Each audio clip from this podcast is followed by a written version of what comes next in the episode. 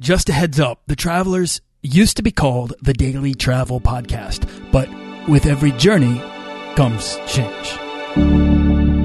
This podcast is produced by Holocene, a community of creative travelers. If you want to get serious about planning that next trip, writing that book, starting that creative project, or launching that business, we're breaking down the barriers between where you are where you want to be together at joinholocene.com. That's join, H O L O C E N E.com.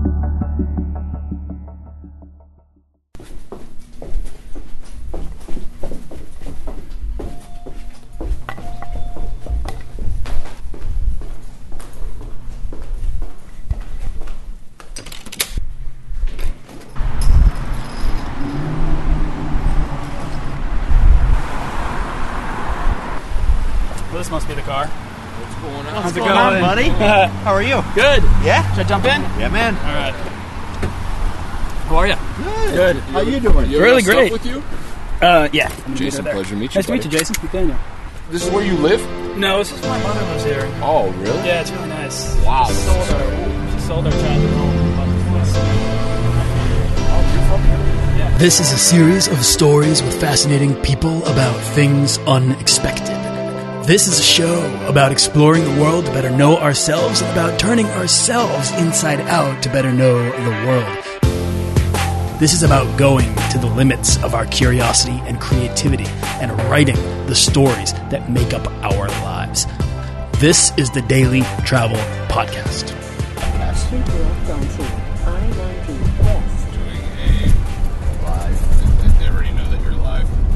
Live. Doing a live hashtag podcast. Yes. West towards Worcester. With at Nathaniel. W forward slash. Yeah.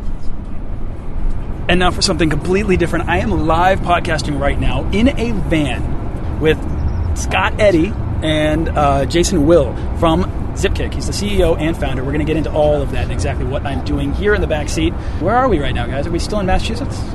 We are on the outskirts of the Massachusetts Turnpike. Okay. So they put me up in Boston, and they are road tripping across the country. If you want to get to know Scott and his background, you can jump back to his episode uh, previously on the podcast. Jason, however, I'm going to ask you right now, man, where you're from and where does travel fit into the picture for you? So, actually in San Francisco now, but originally from the Twin Cities of Minnesota. And uh, travel is a 100 hour a week grind right now as part of Zipkick. So, Are you a big traveler yourself?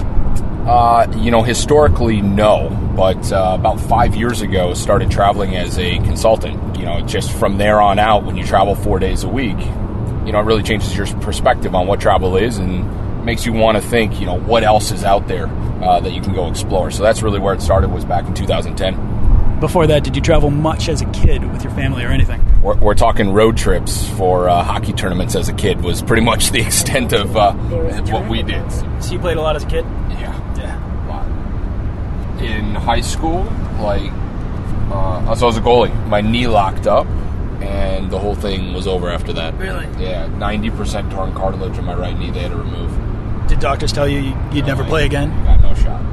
That must have been crushing, though. Oh, dude, I think about it all the time. You have to keep in mind that uh, the pressure. We were literally the number one ranked team in all of North America for hockey. Really? And Wow. as the starting goaltender, you're playing against the best of the best in the entire North America, right? And there would be shootouts and there would be all these things that are the highest pressure s- situations. So this kind of stuff, the pressure is amazing. Uh, The more pressure, the better. Because that's when you thrive and you just it's that fight or flight mentality, you know, where you get backed into a corner, you just your adrenaline starts pumping and you're just like, boom, let's do this It's competitive pressure, too. when you, when you've tasted success, like no matter what it is in life, it could be sports, it could be academics, it could be you know whatever you define success as. Uh, it just the taste of that is so sweet that you just try to do everything you possibly can to feel that again, right? You, you, feel alive after you've been a champion before.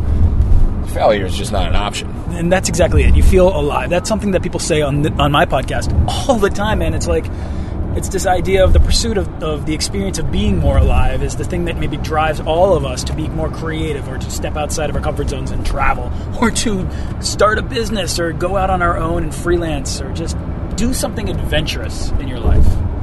Where, where have you been? Where have your travels taken you? Uh, most recently, the last uh, two trips have been to Europe, so covered about nine different countries in Europe. Um, but you know, prior to that, it was a lot of stuff in the U.S. and uh, Mexico.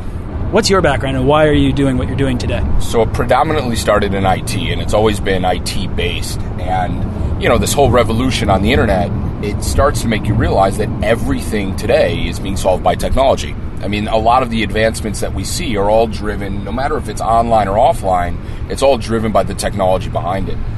And, you know, after staying almost 300 nights in hotels, traveling, I just realized, I'm like, why do all the sites constantly treat you like a new customer? You get a thousand different hotel options. Nothing's personalized. It doesn't learn how you uniquely like to travel. There were just a lot of questions that came to mind that our generation, we question a lot about what we can do better. And, you know, it's time to push the envelope. Where did those frustrations come from? I mean, where did you identify them personally? experiencing it. You know, when you book 300 nights in hotels over the course of a couple of years, you start to see the things that are painful in the process, right? I would go search for New York City. I'd been to New York City 20 times before, and I was literally having to sift through the same hotels that I would never stay at. Coworkers at the time who were also traveling were asking the same questions. Why are we not getting a travel site that can just understand how we like to travel and make recommendations accordingly? So, what is Zipkick now? So Zipkick really the, the basis of Zipkick is to recommend the best travel options for you. Okay, and it's starting with hotels. So based on your social demographics, based on a set of ranked preferences, and then as you continue to the app, the in-app behavior, the loyalty accounts, the purchase history, all these additional attributes, we use this to recommend the top 10 best hotels for you. And you can swipe left and delete hotels so you'll never see more than 10 hotels. It'll get replaced by the next best hotel in line. But you're never shown more than 10 hotels at any time. And it's really meant for you to be interactive with those hotels. If you don't like them, swipe them off the screen. And, and you know what the whole thing is is to recommend the best options for you, not with sponsored listings, not with you know recommended with what was booked in the last 24 hours like other sites do. It has nothing to do with the travelers around you. It is 100% about you as a unique traveler. Okay. So, let's ask you then, Jason, about yourself as a unique traveler. What would be your kind of a style? Like, what would pop up for you if you were using Zipkick to find travel? Just out of curiosity.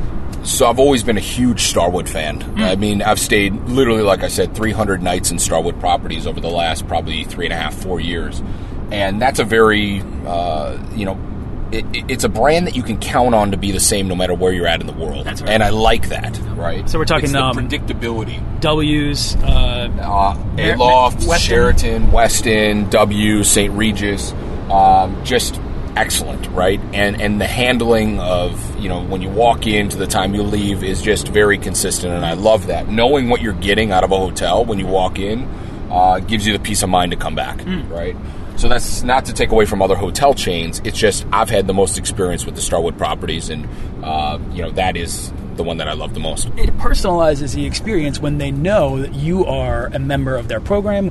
I've always had this this thought where if you're a frequent traveler, let's say you take 25 flights a year, doesn't matter what carrier you're on, you're a certain type of traveler that's willing to spend X number of dollars per year. Okay, so I've always had this idea that said, why do we have siloed loyalty programs? Right? If uh-huh. you stay 100 nights in a hotel, you should be a valued traveler across the board mm-hmm. because whatever hotel chain eventually pulls you in and, and gives you kind of their, their brand identity and, and brings you in as far as that connection to, to where you want to stay, they're going to earn your business for a long time and a lot of nights booked. Mm-hmm. Okay?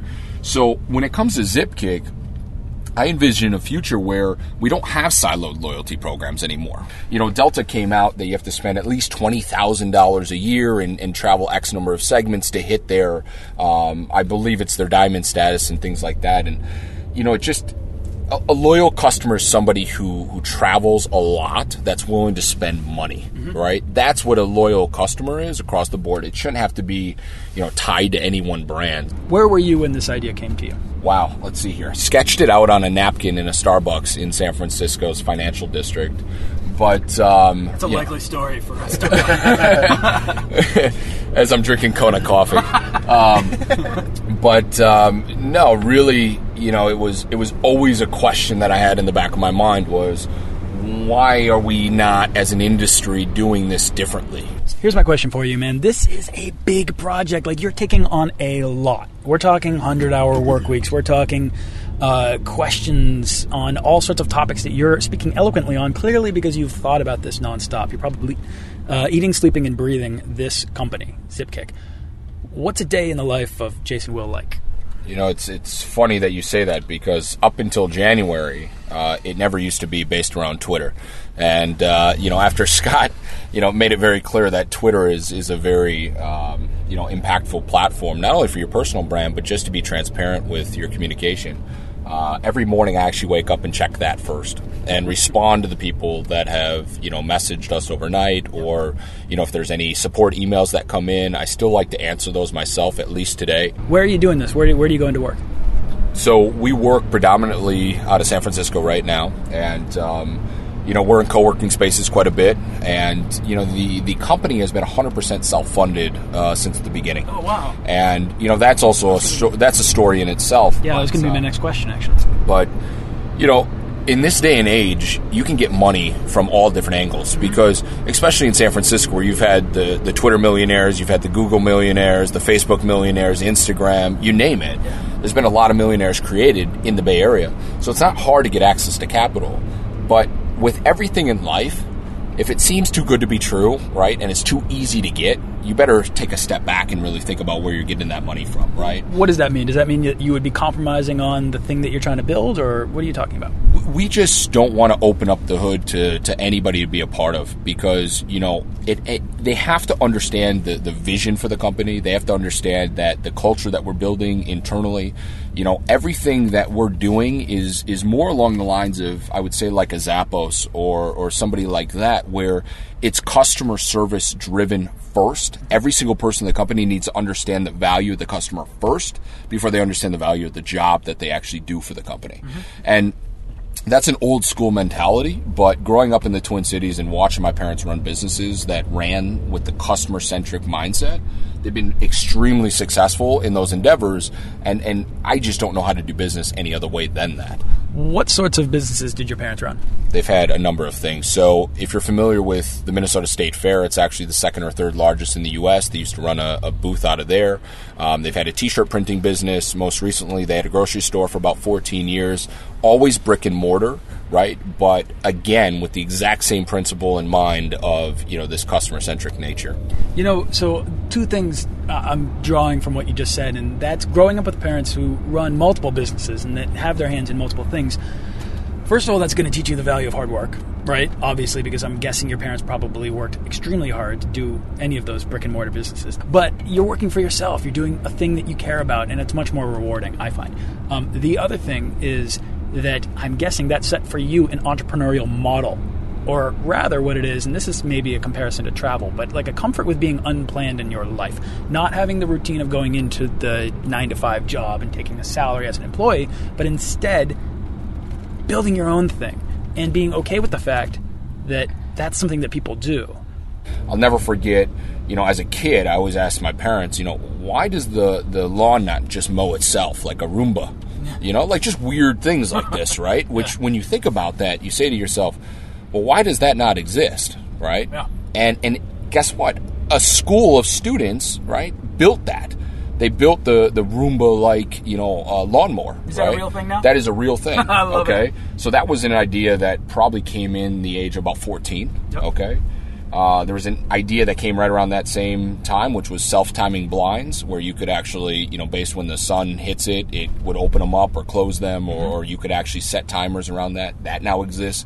So, you know, as a kid, you grow up with these crazy ideas that everybody thinks you're insane, and then they actually come out and they happen, right? And It's the same thing with Zipkick. Even you know, three years ago when we started talking about personalization in travel, nobody could understand what this actually meant, right? And they're like, "Oh, this is crazy. This is insane. We've been doing travel the same way for 20 years. Why would it change?" And that's actually when you know you're onto something because in technology, it moves so fast that if people already know what's going on and they're like, "Yes, oh yeah, I see that. I see that." You're pretty much already behind the curve. Because that means that there are teams built out, people are doing that, the whole deal. But when we first got started, there was not a single person talking about personalization three years ago.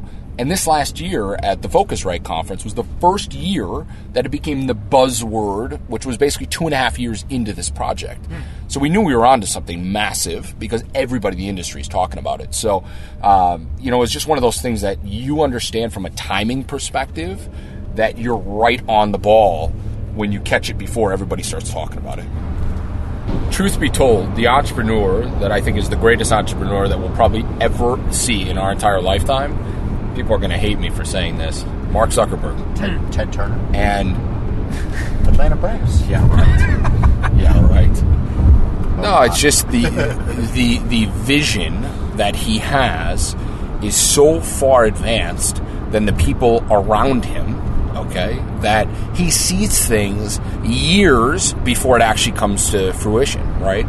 You know, all of these things that he's doing, he's such a visionary, and and if I could even just fractionally, you know, follow in some sort of visionary steps like that, man, my life would be complete. Where do you think that kind of a vision comes from? And I ask, and you, you don't have to say travel. I'm gonna I'm gonna tie travel in because this is a travel show, but I do think that travel is the best way to cultivate your imagination. It's like an exercise for your imagination. So it's this idea to go out and and uh, and practice experiencing and thinking in new ways to realize what's possible back home.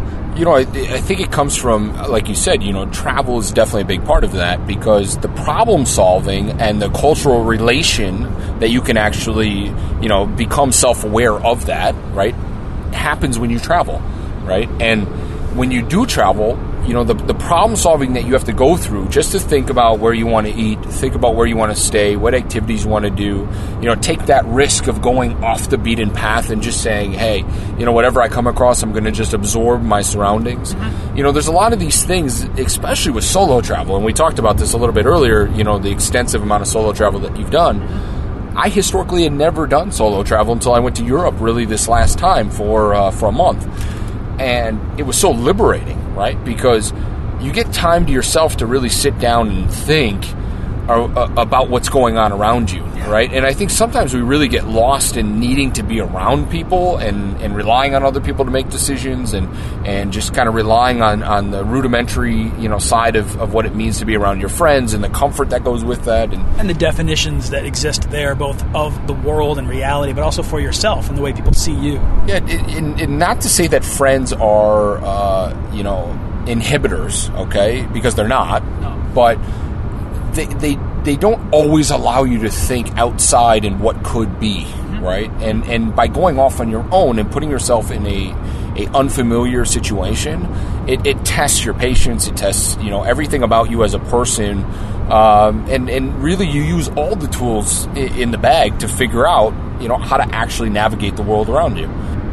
You know, I've so many times in my travels, I have been at the mercy of, you know, somebody picking me up while I'm hitchhiking or putting me in their home for a night because I have nowhere else to sleep or feeding me a meal because I'm, I'm starving and something you like up that. off the sidewalk. Yeah, exactly. just when you're backpacking, it can get desperate sometimes, and the you never forget when somebody helps you out in a special way. And I think that that builds for you uh, this desire, like this internal desire to want to then pay it forward with every relationship that you have, and everybody you meet. It's like, okay, well, then, you know, what does this person need? How can I help them? Because if you just give to them, you're going to create this actual connection with somebody that's it's going to be beneficial down the line if you like each other, right? And that's the most important thing. You don't want to, you don't want to even, let's say, do business or spend time with people that you don't like. Helping each other out is, I feel like, one of the best ways to do that. And, and again, because this is a travel show, I'm tying it in.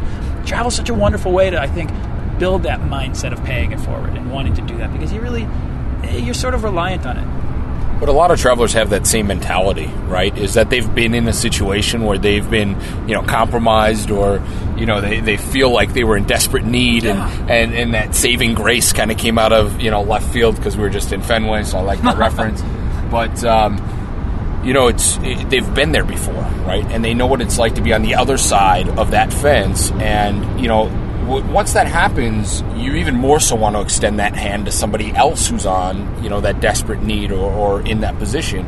So, you know, travelers they understand. You know, these things come, they go, the highs, the lows. You know, the expected, the unexpected, everything within travel that you could, you know, think about. If you travel extensively, you're going to experience it at some point in time Yeah. right? And you know, the people that go on the package trips or the all inclusives or the cruises or things like this, they don't really understand what real travel is, right? Real travel is getting out there and getting into the trenches and try to experience things that are so outside of your comfort zone that you know it just really expands your horizon and, and, and opens up your mind to what actually goes on in the world, right? Um, you know, for example, you go into some of these countries where the media says, "Oh, this is a horrible place." Going to Egypt back in 2008, and it was prior to obviously everything that happened in Egypt, but that was literally the most magical place I'd ever been. Why? You see this chaotic, or, or I should say, controlled chaos around you, which is, you know, seven cars wide. If you have your elbow out the window, you could get clipped, you know. But it's all happening somehow in harmony, that these people somehow know how to drive in this environment, they know how to get around in this environment. And it may seem completely crazy and dangerous, but for some reason it just constantly is working in harmony, right? And you don't have a appreciation for that and that type of life and you know eating what i thought was you know beef or chicken on the side of the road and it turned out to be camel you know things like this. You don't know what's going on but that doesn't take away from the experience. That's you know that's what makes it very unique and different and, and memorable. Even seven years later, I still tell every single person that Egypt was my favorite place I've ever traveled to. Just because you, you get to ride the camels, you're in the Sahara Desert, you see the Sphinx, you see the pyramids, you see King Tut's tomb in the Egyptian Museum. I mean, you get just overstimulation of everything you could possibly imagine within just a few miles of each other. It's crazy. And, and after being around technology for this many years, you can pick up on trends pretty fast. And not only that, but when you've been in the trenches and traveling and experiencing the pains, and then you recognize the patterns of, of pain around you when it comes to searching and booking travel, and it's deep. If you talk to people, they say, Wow, I've saved up for three or six months to go on this trip. And then afterwards, they constantly tell their friends, I'm still talking about Egypt seven years later, which is a perfect example. You're so excited before you take the trip. You're so excited after you take the trip and during the trip. There's not a single person that's ever been that excited about the booking process. Have you ever heard anybody say, Wow, that was the most amazing searching and booking process I've ever gone through? I've never heard of such a thing. No. In, in, in In over, fact, it's more often than not, people just like, it's a relief when the work is done. And, and that's exactly what it is, right? Is that it, it, it just never added up that you could be so excited saving all your pennies and your dollars and everything to go on this trip that you want to spend a few thousand dollars or whatever it is. And then afterwards, you're just showing your pictures and, and telling your friends stories and, and you know inspiring people to go you know explore that place you just got done going and and it, and that's what travel is. It's a very emotional, personal thing that you go through, right? And and we talked about this a little bit. Is that you know it, it develops you as a person and, and you know helps you just evolve as, as a human. And the booking process has just always been so painful, always. And and it's it's crazy that you know we've never made it easier as an industry on the people that just want to get up and go. So before we end this podcast, should we officially ask Nathaniel if he wants to be his pick blogger? Oh, Maybe he, maybe he doesn't. Well, I, am I'm a little nervous if he might accept. So I didn't want to ask the question. This- this better make the final cut. Oh, okay. I would actually be honored to do that, of course. Yeah, I'd be honored. Hold, hold, hold on to your hat and make sure you buckle up because uh, Oh, we've got a lot coming up here. So, New Haven Hotel's right here, and then uh, uh, what's next for you guys in this road trip? So we're going to stay here in uh, Connecticut, and we're going to the Pez factory, Awesome. which is going to be amazing. And then, you know, m- more so on top of that, we have uh, New York City. Uh, we have uh, Knoxville, Nashville, New Orleans, a little bit of Texas love, you know, in the big state of Texas. And uh, we're going to round out in Southern California and eventually end up in San Francisco. So, we've got a lot of amazing people to meet, and uh, we'll keep this thing rolling. I love it, man. Congratulations on getting this out there. This car is so cool. I wish I wish that I could share that on the podcast. It's a minivan that is packed up with all sorts of sponsored stuff. It's really cool. And on the outside, it's just land based Zipkick logos, bright blue. It's really cool. So, anyways, guys, it's been a real honor to hang out here. Thank you so much for the invitation. I can't wait to, to do stuff with you guys. Thank you. Appreciate it. Thanks for listening to this episode of the Daily Travel Podcast. For show notes and links to everything in this episode and more, head on over to dailytravelpodcast.com. Join our Facebook page of explorers and subscribe to our newsletter for the best deals and resources to help make your next trip life changing.